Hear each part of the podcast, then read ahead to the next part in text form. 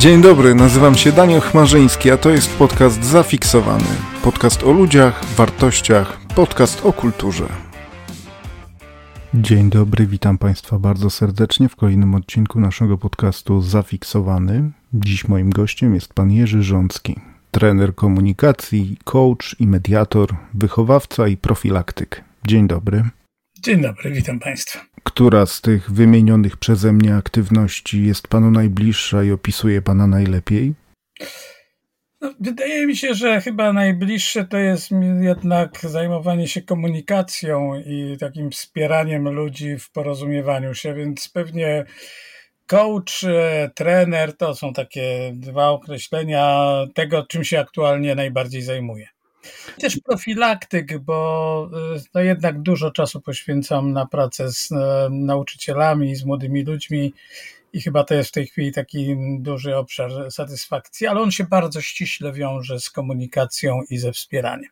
Jest pan również pedagogiem kultury. W praktyce. O, to z wykształcenia. To, to bym mhm. się raczej tam w tych obszarach już nie umieszczał. Kiedyś miałem takie marzenie, mhm. żeby zostać reżyserem E, teatralnym, a może nawet filmowym, ale to marzenie e, spełniło się w zupełnie odmienny sposób, właśnie poprzez wspieranie ludzi i, i wspólną pracę z nimi. I jako trener psychoedukacji i komunikacji interpersonalnej. Tak jest, tak jest, to, to jest to. A czym jest program nauki zachowania? Wiem, że pan jest autorem tegoż. Jestem autorem dwóch rekomendowanych, e, dużo by to mówić, co to znaczy rekomendowany, ale no, przez taki zespół bardzo e, rygorystycznych specjalistów sprawdzających różne rzeczy zostały dwa programy, których jestem współautorem rekomendowany. Jeden to jest dla szkół podstawowych e, i to jest program, w którym uczymy młodych ludzi zmiany swojego zachowania i pomagamy nauczycielom w dokonywaniu, czyli tak, tak, tak, takie dzieciaki, które trochę zaczynają nauczycielom sprawiać kłopotów w szkole. No i my ich wspieramy, tych nauczycieli, w tym, żeby, żeby pomogli tym młodym ludziom. I to jest ogromny obszar komunikacji i wsparcia. A drugi program, program Projekt Lustro, to jest program nazwany tak przez młodych ludzi, nastolatków, którzy powiedzieli, że to jest program, w którym oni się mogą przyjrzeć sobie i dlatego Lustro. I on jest przeznaczony dla szkół ponadpodstawowych i się bardzo wpasowuje w tą, w tą obecną sytuację nastolatków, z jaką mamy do czynienia, czyli takiej ich samotności, porzucenia, porzucenia bez pejoratywnego znaczenia tego słowa, ale oni się czują porzuceni przez świat dorosłych w obliczu tego porzucenia i odnosząc się już bezpośrednio do tematu naszego spotkania, czym jest porozumienie współczujące? Czym jest porozumienie serca? Czym jest non-violent communication? No, ta nazwa e, w języku angielskim brzmi znacznie e, łagodniej, znacznie obszerniej niż w języku polskim, bo w języku polskim, jak mówimy, porozumienie bez przemocy, to wszystkim się kojarzy e, plakat z panią z siniakiem pod okiem i zasłoną zupą, e, mhm. więc to, to nie, nie, nie tyle o to chodzi. Porozumienie bez przemocy to jest taki, taka postawa życiowa, e, taka moja definicja, bo oczywiście tych definicji pewnie jest sporo, ale moja definicja byłaby taka, że to jest pewna postawa życiowa oparta na współodczuwaniu e, zarówno z innymi ludźmi, jak i z samym sobą, czyli na takiej świadomości tego, co ja czuję, czego ja potrzebuję, o co tu chodzi tak naprawdę w tym, co nas spotyka ze strony świata. I ta postawa kieruje się taką akceptacją siebie i innych w równym stopniu, czyli że, że moje potrzeby są co najmniej tak samo ważne, jak potrzeby innych ludzi. Mhm. ale co najmniej to jednocześnie nie więcej. Czyli, mhm. że w równym stopniu e, uwzględniam swoje potrzeby, jak i potrzeby innych. No, można by zacytować Desideratę, że i tak by nie przeszkadzać w życiu innym. Wiem, że istotnym wydarzeniem w Pana karierze był dziewięciodniowy Intensive International Training CNVC z Panem Marszalem Rosenbergiem. Gdyby zechciał Pan nieco przybliżyć naszym słuchaczom postać Pana Marszala i opowiedzieć nieco więcej o tym wydarzeniu. Nic się w internecie nie ukryje, wszyscy wszystko znajdą. Tak, to prawda. W 2003 roku Miałem takie szczęście wspólnie z około 40-paroosobową grupą bardzo różnych ludzi, głównie psychologów, pedagogów, ale nie tylko, uczestniczyć w oborach pod Warszawą w spotkaniu z takim no, wybitnym psychoterapeutą amerykańskim, Marszalem Rosenbergiem, niestety nieżyjącym już. już. No i to, to, to było bardzo poważne doświadczenie życiowe. Ja się wcześniej zajmowałem i komunikacją, i pedagogiką, i wieloma różnymi aspektami, ale spotkanie e, z tym nieprawdopodobnie silnym człowiekiem, e, przenikliwym, a jednocześnie niezwykle łagodnym, było pewną rewolucją w moim rozumieniu tego, czym jest tak naprawdę empatia, czym jest relacja z drugim człowiekiem, czym jest bliskość e, w takim bardzo szerokim humanistycznym obszarze. No więc Marshall Rosenberg jest amerykańskim Żydem. To ważne, bo wychowywał się w dzielnicy żydowskiej. E, no i jak to ta nacja była w wielu różnych kulturach e, prześladowana, tak i tam no, nie cieszyła się specjalnie uznaniem swojego środowiska, więc on po prostu jako młody człowiek zbierał bęcki. Mhm. E, sam zresztą tak to nazywam. No i to zbieranie bęcków skłoniło go do poszukiwania sposobu, który pomógłby ludziom unikać tego.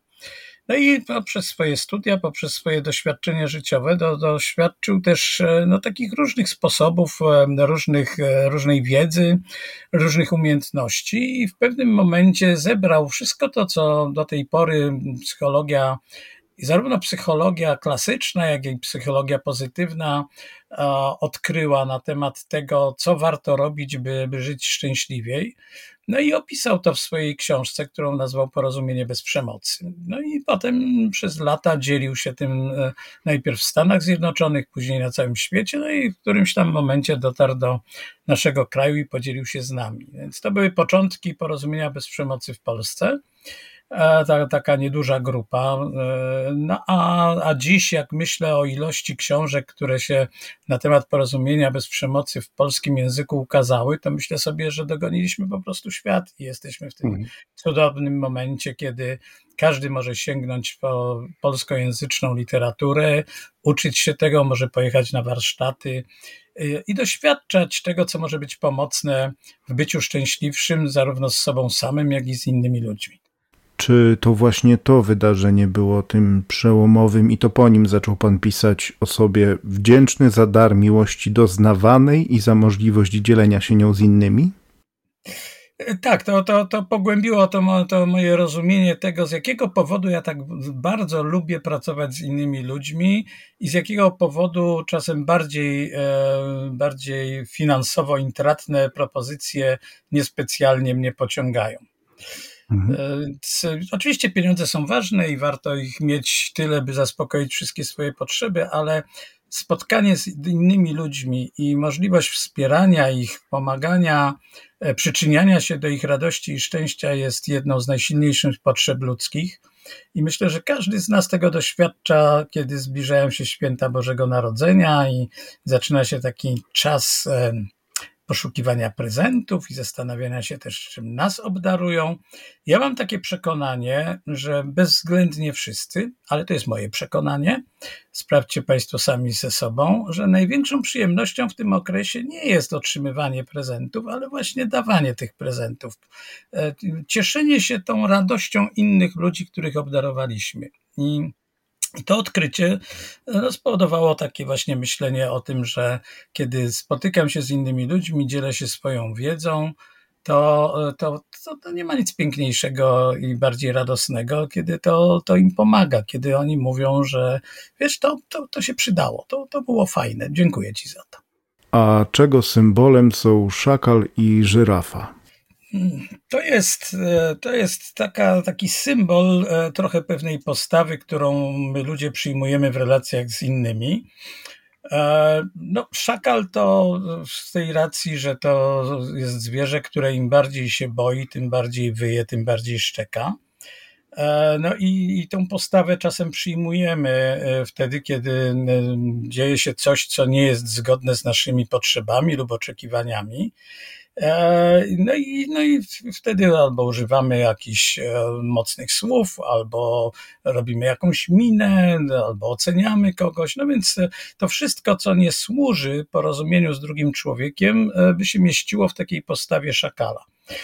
I to, co jest ważne, to żeby też dostrzegać, że tą postawę szakala możemy skierować w dwóch kierunkach, czyli że możemy być szakalem w stosunku do innych ludzi, na przykład myśląc o kimś taki owaki, myśląc o kimś dobry, zły, hmm. albo skierować ją w swoją stronę i myśleć o sobie, jestem dobry albo jestem zły. E, I to czasem budzi duże kontrowersje, no bo przecież przyjemnie jest myśleć o sobie czy o innych, że, że są dobrzy, tylko że to jest e, trochę nieuprawniona ocena, no bo co to znaczy dobry? To co, to ja jestem taki dobry trener? Znamy hmm. wielu ludzi, którzy w taki sposób, myśląc o sobie w różnych aspektach, w różnych zawodach, w różnych sytuacjach, no, trochę odlatują od rzeczywistości y, i mimo, że jest im bardzo przyjemnie z tą myślą, to jednak no, nie są w realnym świecie. Więc e, z żyrafą chodzi o to, żeby być w realnym świecie, żeby czuć i rozumieć to, co się dzieje naprawdę. A żyrafa dlatego, że żyrafa ma największe serce spośród ssaków lądowych, no i ma bardzo długą szyję, która pozwala jej widzieć dalej i więcej i głębiej niż, niż innym zwierzętom. No to tak trochę symbolicznie, trochę, e, trochę zabawowo, ale tak naprawdę, e, gdybyśmy mieli powiedzieć o takich czterech postawach, no to, mm, to są to e, dwie postawy szakala i dwie postawy żyrafy, i tutaj trochę to rozwinę. Mhm. No, dzieje się coś, co nie jest zgodnego z naszymi potrzebami. Na przykład jakiś polityk robi coś, co mi nie odpowiada. Nieważne, który to jest polityk, nieważne jakiej to jest opcja, ale to nie jest zgodne z moimi wartościami, z moimi oczekiwaniami. No i wtedy mogę y, pomyśleć sobie o tym polityku, że on jest nie okej. Okay. No, co, za, co za głupi palant. Przepraszam Państwa bardzo za takie sformułowanie. No ale e, to, to jest reakcja, która może być myślą, ale może się też przejawić w jakichś wypowiedziach, w jakichś działaniach w stosunku do, do takiej osoby, czy do, do takiej postawy jakiegoś polityka. Ale kiedy się okazuje, że właściwie ja nic nie mówię w tej sprawie, nic nie robię, i frustruję się bardzo i w którymś momencie dochodzę do wniosku, że to nie w porządku. I wtedy mogę skierować tę postawę szakala przeciwko sobie i powiedzieć, no nie no, gościu, ty jesteś w ogóle jakimś no, hipokrytą. Nie podoba ci się to, co ktoś robi, ale jednocześnie nic w tej sprawie nie robisz. Czyli jesteś nie w porządku w stosunku do e, samego siebie, nie w stosunku do wartości, które wyznajesz, no i mogę się wpędzić na przykład w poczucie winy które jest jedną z postaw szakala. Nic, nic innego nam nie przynosi oprócz frustracji i, i pognębienia. Więc by były takie dwie postawy. E, innym przykładem takiej postawy szakalej e, no może być relacja choćby między mężem a żoną, czy między matką a synem. W każdym razie dwie osoby jadą samochodem, no i któraś z nich prowadzi ten samochód nie tak, jak my byśmy oczekiwali. No i wtedy hmm. możemy zaatakować tę osobę i powiedzieć, weź przestań, weź się zachowuj inaczej. Co z ciebie za kierowca? E, no, ale mogę też e, siedzieć obok i myśleć sobie, kurczę, no, beznadziejny ze mnie na przykład ojciec. No, nie nauczyłem go prawidłowo jeździć, nie nauczyłem go e, przestrzegać zasad prawa jazdy, albo co ze mnie za mąż nie, nie potrafię nawet powiedzieć mu tak, jej tak, żeby ona prowadziła ten samochód w sposób, który by był zgodny z oczekiwaniami świata, innych kierowców czy przepisów ruchu drogowego. Więc te dwie postawy są nie, niezwykle szkodliwe, ponieważ one nie służą e, byciu w realnym świecie. One oparte są na jakichś wirtualnych ocenach, E, a, a mogę je zastąpić postawą ży, żyrafy. I ta postawa żyrafa w stosunku do polityki, polityka mogłaby być na przykład taka. E, proszę pana, panie X, kiedy pan mówi to i to, kiedy pan robi to i to, to ja jestem rozczarowany albo wkurzony, ponieważ chciałbym, żeby i tu odnoszę się do jakiejś potrzeby, która jest związana e, z moimi oczekiwaniami, z moimi potrzebami i tak dalej. E, I to powiedzenie oczywiście nie załatwia całej sprawy, bo ten polityk może się nie zgodzić ze mną, on może ze mną dyskutować i tak dalej, ale ja uczciwie mówię, co ja widzę, co ja słyszę, co ja w związku z tym czuję, bo czego potrzebuję. Mhm. Bez ocen, bez oskarżeń, odnosząc się wprost do swoich potrzeb. No pewnie w dalszej części tej rozmowy trochę sobie więcej na ten temat powiemy. I jak ciężkim jest przestawienie się na ten tryb nieoceniający? Ile może potrwać taki proces? Czy to jest raczej kwestia osobnicza? To, co jest nieprawdopodobnie ciekawym odkryciem, to to, że nie trzeba się tego wcale uczyć. Mhm. Wystarczy nie uczyć innych rzeczy naszych dzieci. Mhm. Przecież dzieci właśnie tak nazywają po imieniu. Dopiero od nas dorosłych uczą się przeinterpretowania świata, e, oceniania itd., tak itd. Tak e, trochę nie bardzo wierzyłem, że to tak jest możliwe, dopóki nie zobaczyłem przedszkoli, w których dzieci są wychowywane w duchu porozumienia bez przemocy i porozumiewają się ze sobą swoim naturalnym językiem.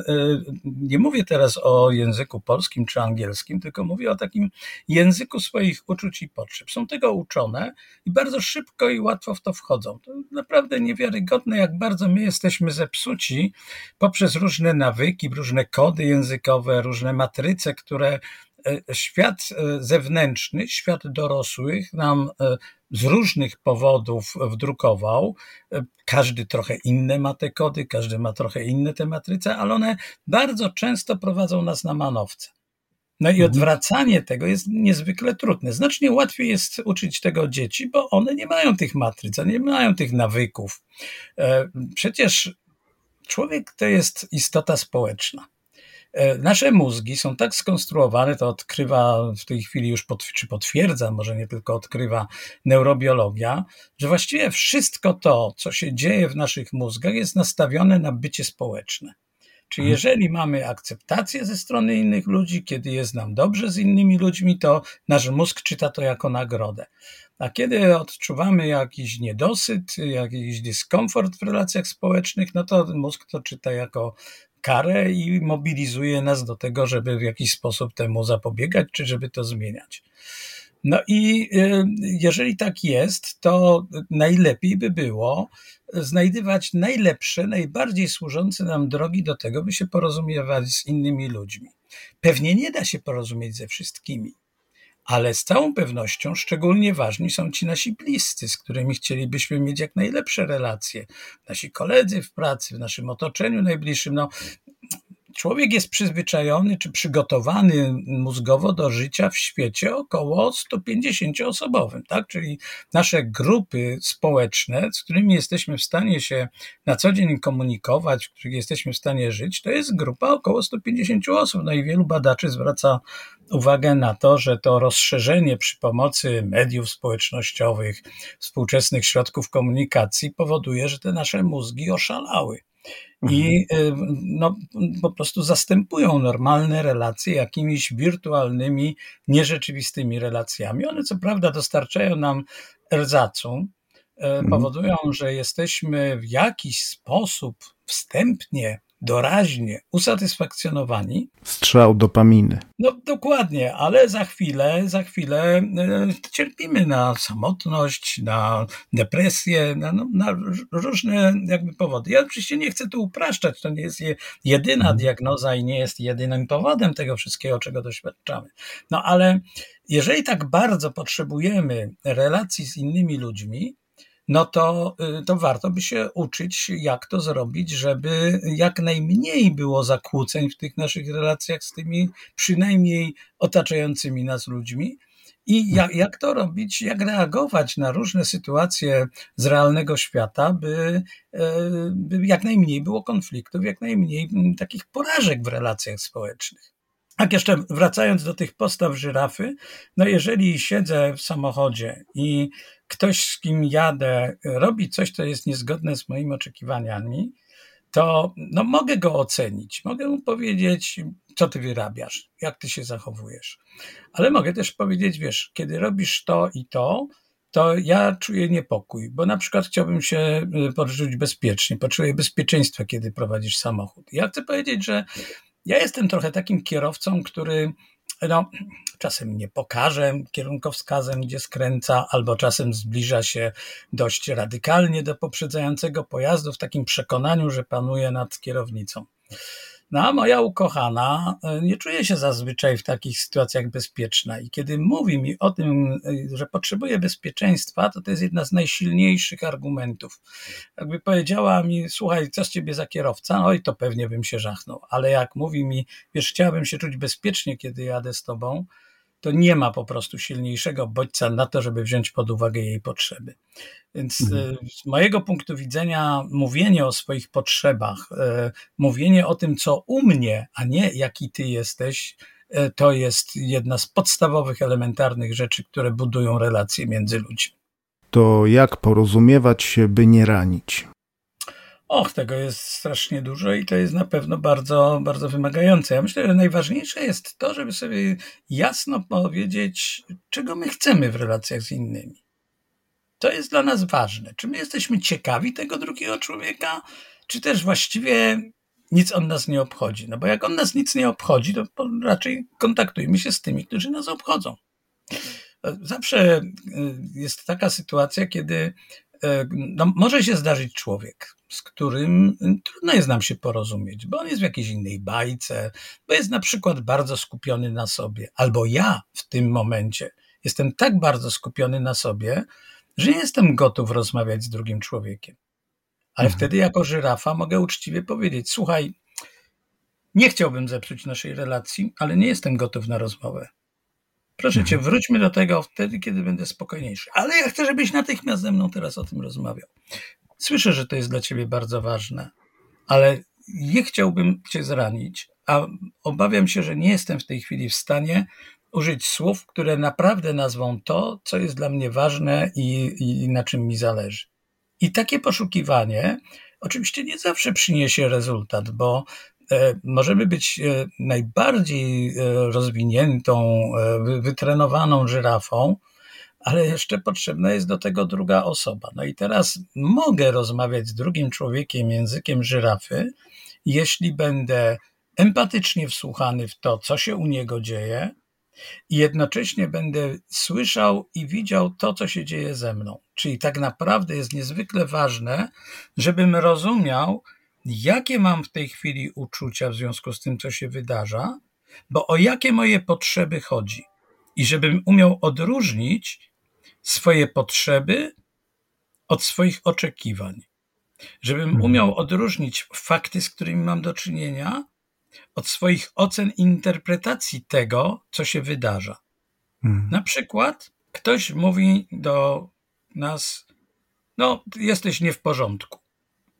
I my mamy w głowie, on mnie oskarża. No to to nie jest fakt. On mnie nie oskarża. On tylko mówi, że dla niego to, co zrobiłem, jest nie w porządku. Mhm. Słowo oskarża to już jest moja interpretacja.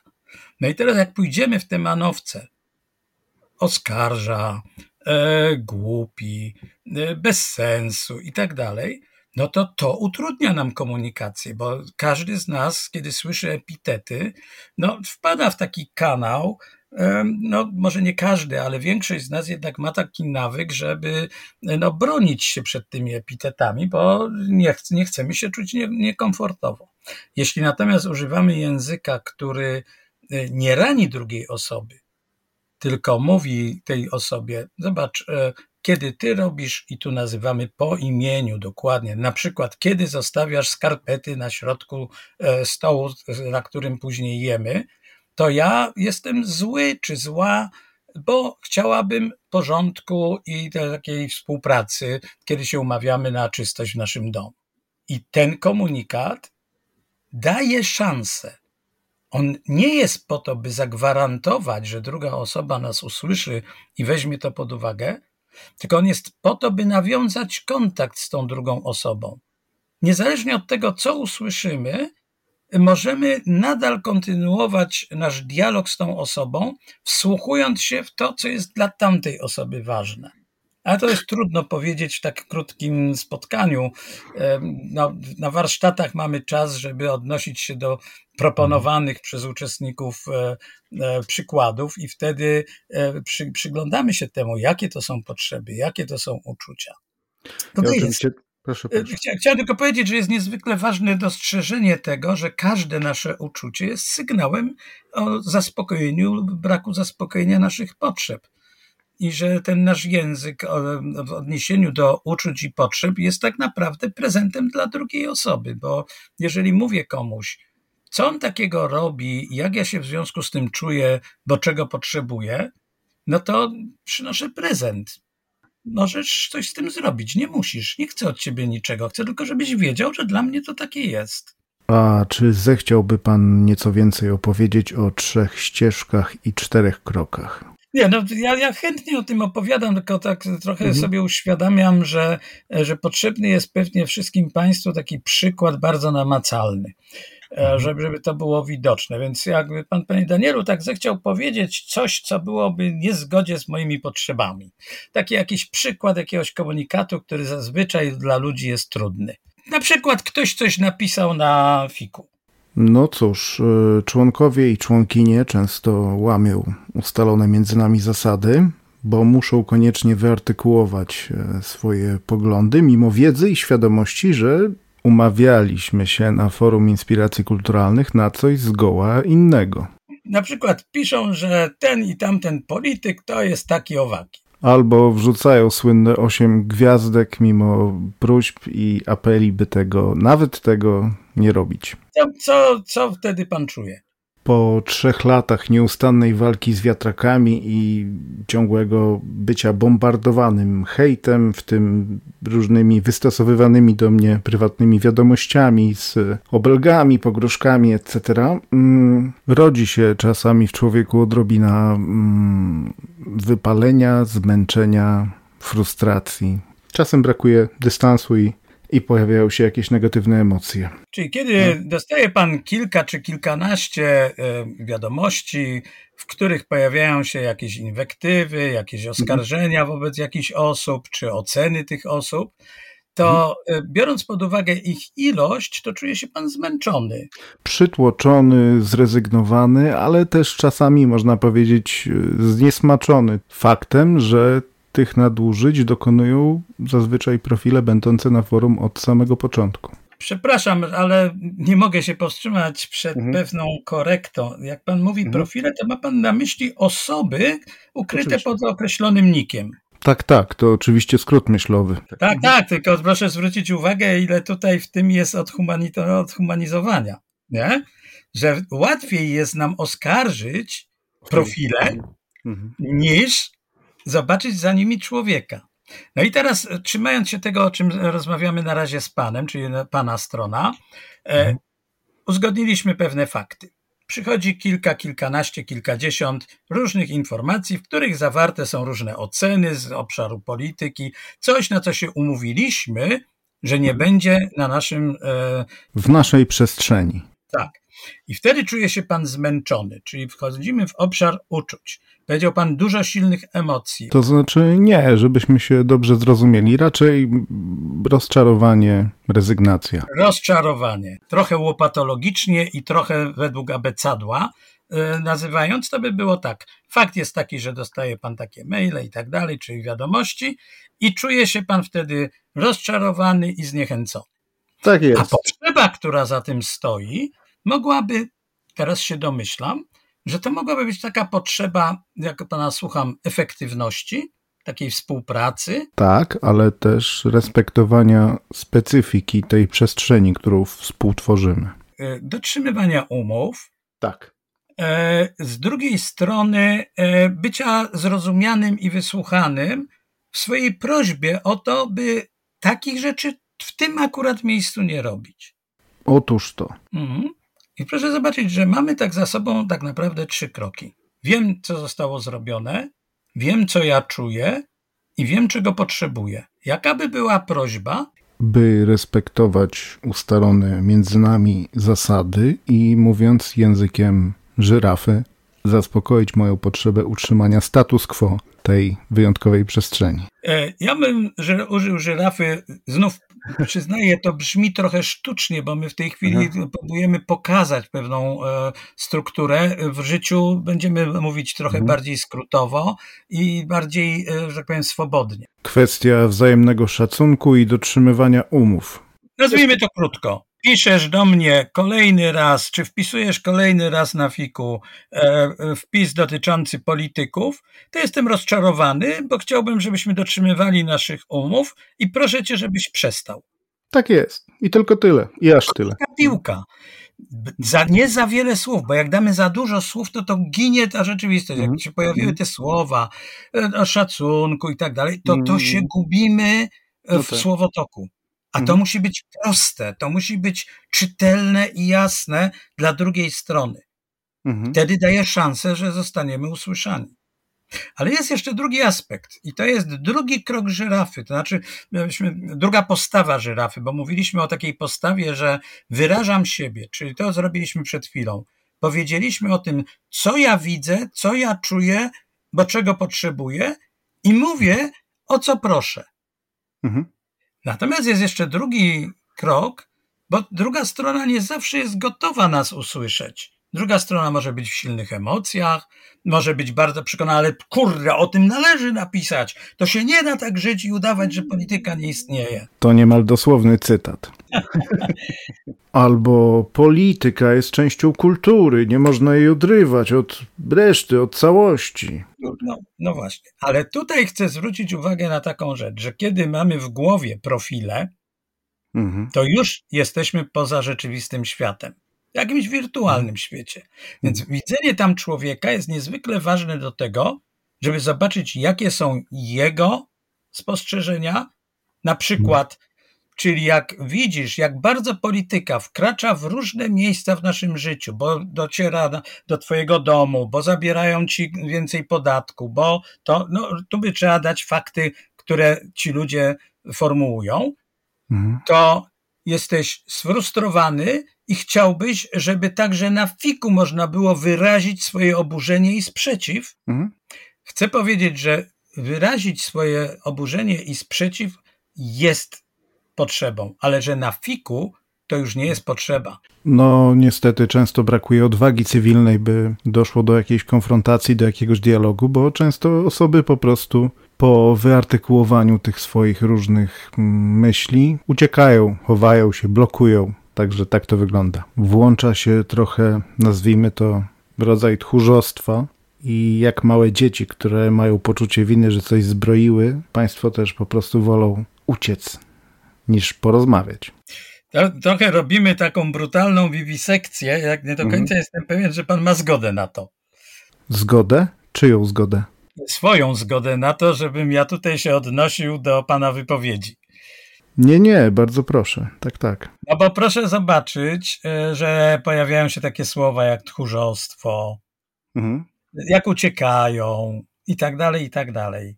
Mhm. I wtedy jest pan jeszcze bardziej sfrustrowany, bo mhm. nie dość, że nie dzieje się w zgodzie z pana potrzebami takiej e, wspólnoty, dzielenia się, e, miejsca bezpiecznego od polityki, mhm. to jeszcze traci pan e, ludzi, z którymi chciałby pan być w relacji.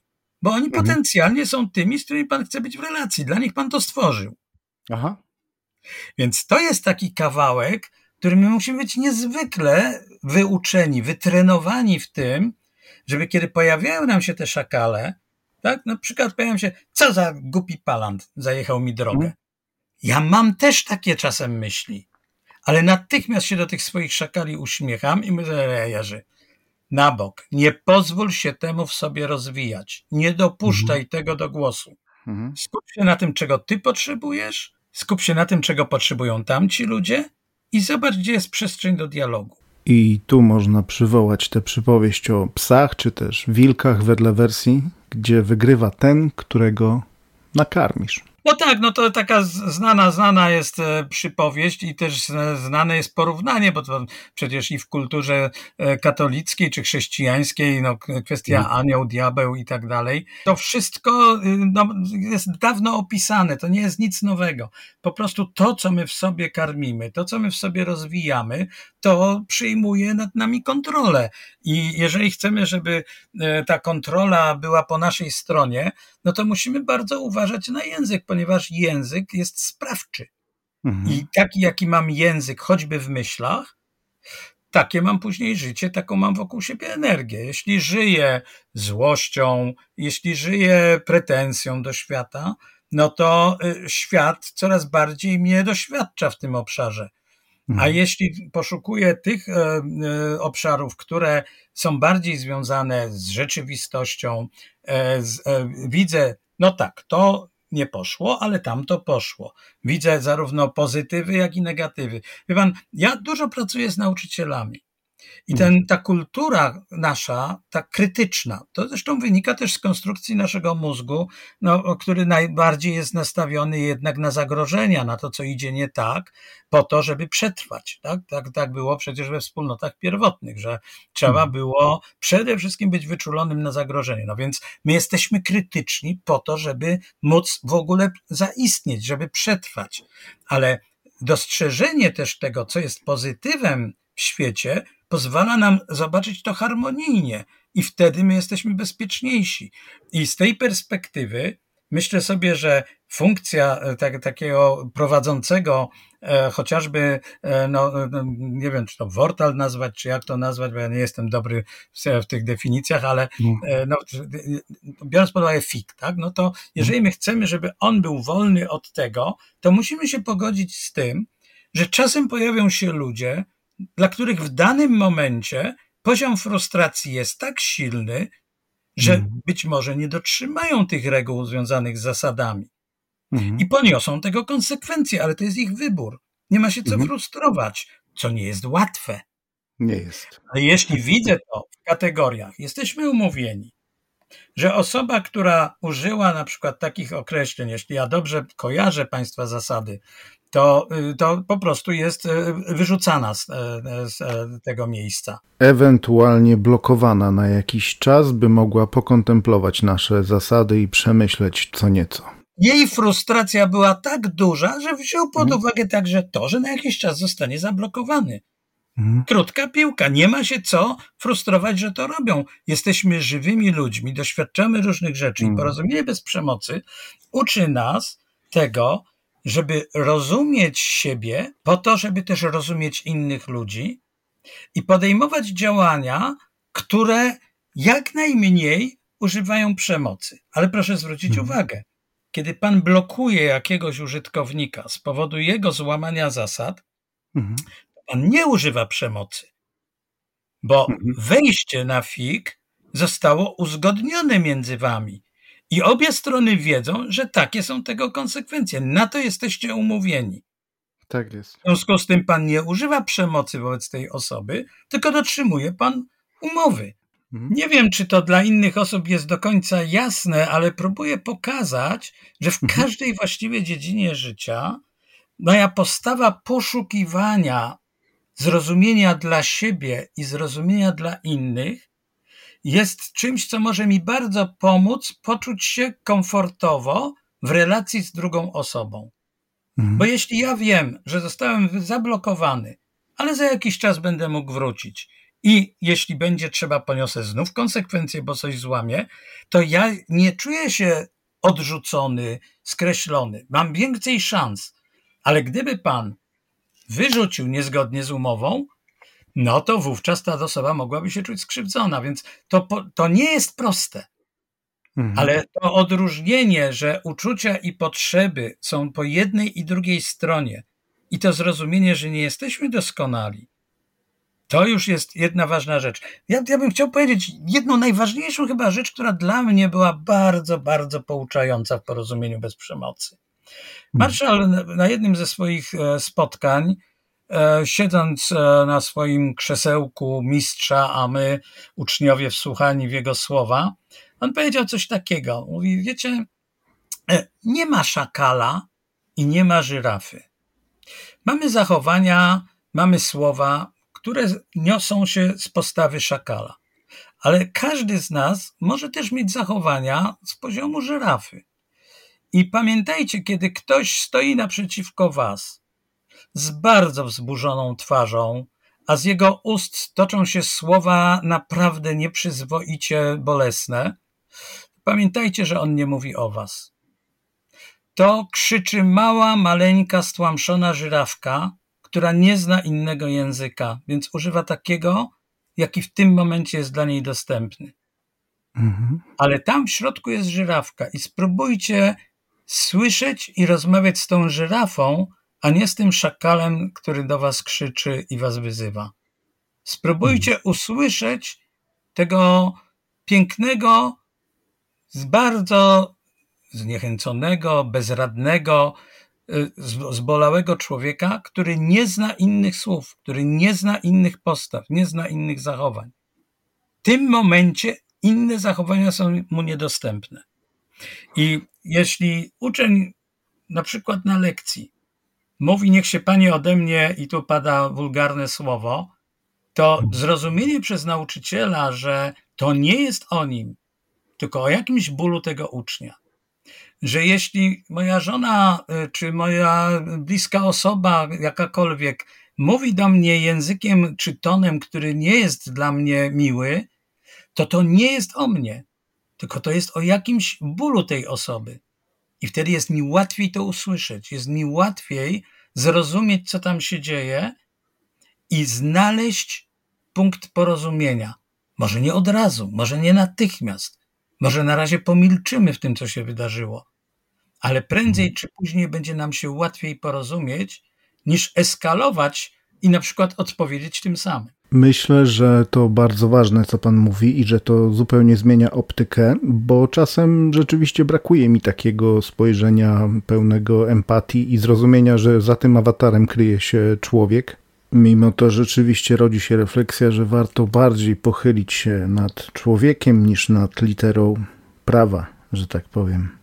No, te, też e, pewnym wsparciem jest na pewno dla Pana to, że e, tak wielu ludzi chce właśnie tych reguł i oni tak naprawdę dlatego tam są, więc ja myślę, że to też war, warto jakby o tym pamiętać, że no, jesteśmy tylko ludźmi i, i że to się zmienia. Ale też chcę powiedzieć, że świat no. wirtualny no bardzo sprzyja właśnie e, takiemu e, no, oderwaniu się od kontaktu z prawdziwym człowiekiem. My to widzimy mhm. u naszych dzieciaków. E, no, nie chcę tutaj wchodzić w kwestie edukacyjne, ale no naprawdę to, to w jakim świecie dzisiaj często posługujemy się głównie komputerem do komunikacji z innymi ludźmi, no, sprzyja też temu, żebyśmy się nie komunikowali tak naprawdę ze sobą.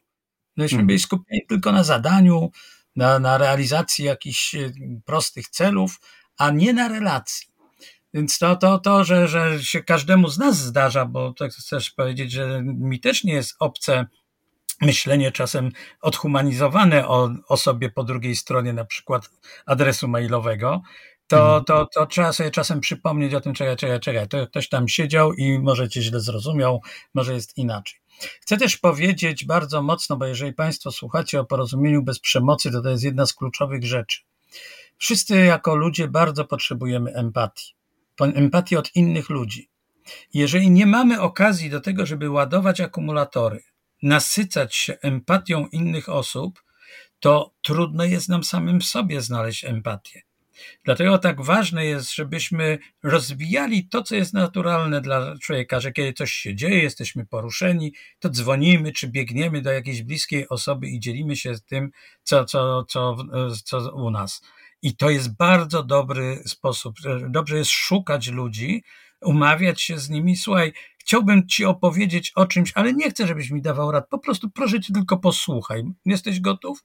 No tak, to dodawaj. No to wtedy mamy okazję wygadać mhm. się, odpuścić sobie trochę i czasem jak słyszymy, co gadamy, to już to samo jest uzdrawiające i, i pomaga nam sobie poradzić. Więc dzielcie się Państwo też taką e, wzajemną życzliwością dodawania sobie empatii, takiej świadomej. Tak, teraz nie będę Ci mówił, zrobię to, co, to czego ode mnie chcesz. Posłucham. Jestem. I słucham. Chciałbym, e, rozumiem, że trochę kończymy pewnie ten kierunek, ale chciałbym powiedzieć, że wielki człowiek Ania Dodziuk, znany, znana dziennikarka i terapeutka, e, napisała kiedyś książkę o żałobie. I w tej książce opisała taką historię człowieka, który przez wiele lat mieszkał ze swoją matką. Miał też partnerkę, z którą się spotykał, i pewnego dnia ta matka umarła. I to było bardzo silne, traumatyczne przeżycie dla tego mężczyzny.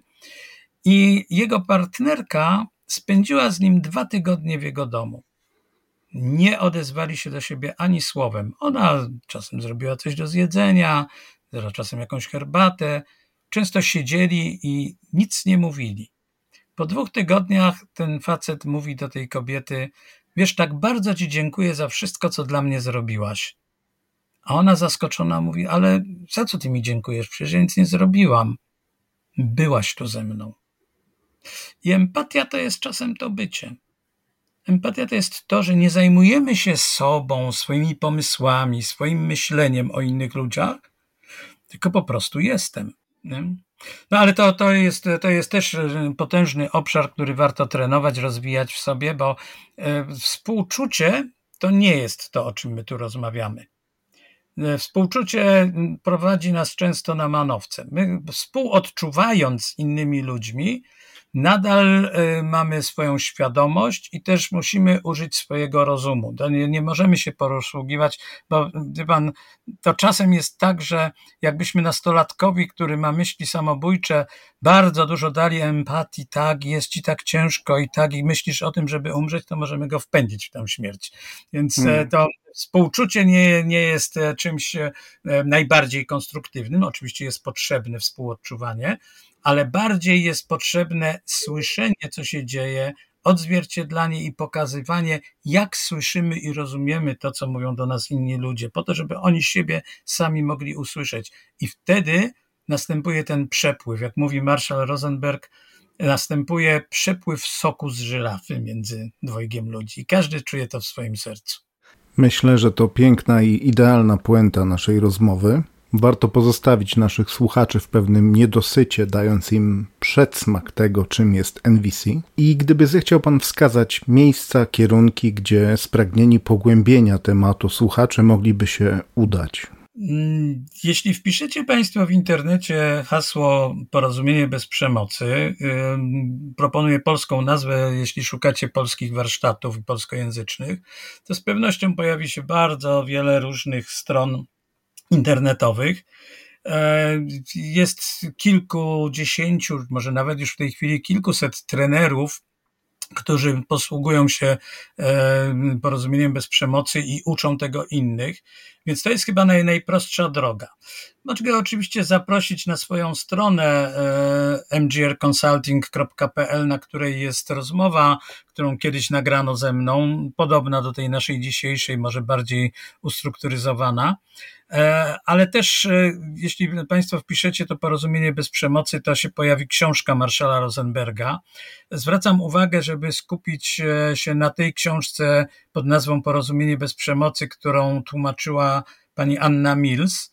E, to jest też e, trener języka, trener porozumienia bez przemocy, ale jednocześnie e, osoba, która no, język angielski zna od urodzenia, w związku z tym jej tłumaczenie jest bardzo dobre. Ja się uczyłem z książki, która była słabo przetłumaczona, a, a te najnowsze wydania porozumienia bez przemocy Marszala Rosenberga to jest taki punkt wyjścia do, do ca całej lektury, a później no, pojawiają się książki dotyczące i wdzięczności, i mediacji, i radzenia sobie w konfliktach, i jak rozmawiać ze sobą w związkach, jak pracować z dziećmi. No tych książek w tej chwili trudno byłoby je wymienić, bo na pewno nie byłbym w stanie, jest ich kilkadziesiąt pozycji w języku polskim. Ale są też warsztaty i bardzo Państwu polecam e, poszukiwanie warsztatów. E, no, teraz to jestem trochę mm, zdeprymowany, bo przyszło mi do głowy, żeby coś powiedzieć, a nie bardzo chcę robić jakąś autoreklamę tutaj, ale panie Danielu. Śmiało, śmiało, bardzo proszę, proszę się nie krępować. A, a może zróbmy jakąś fikową grupę.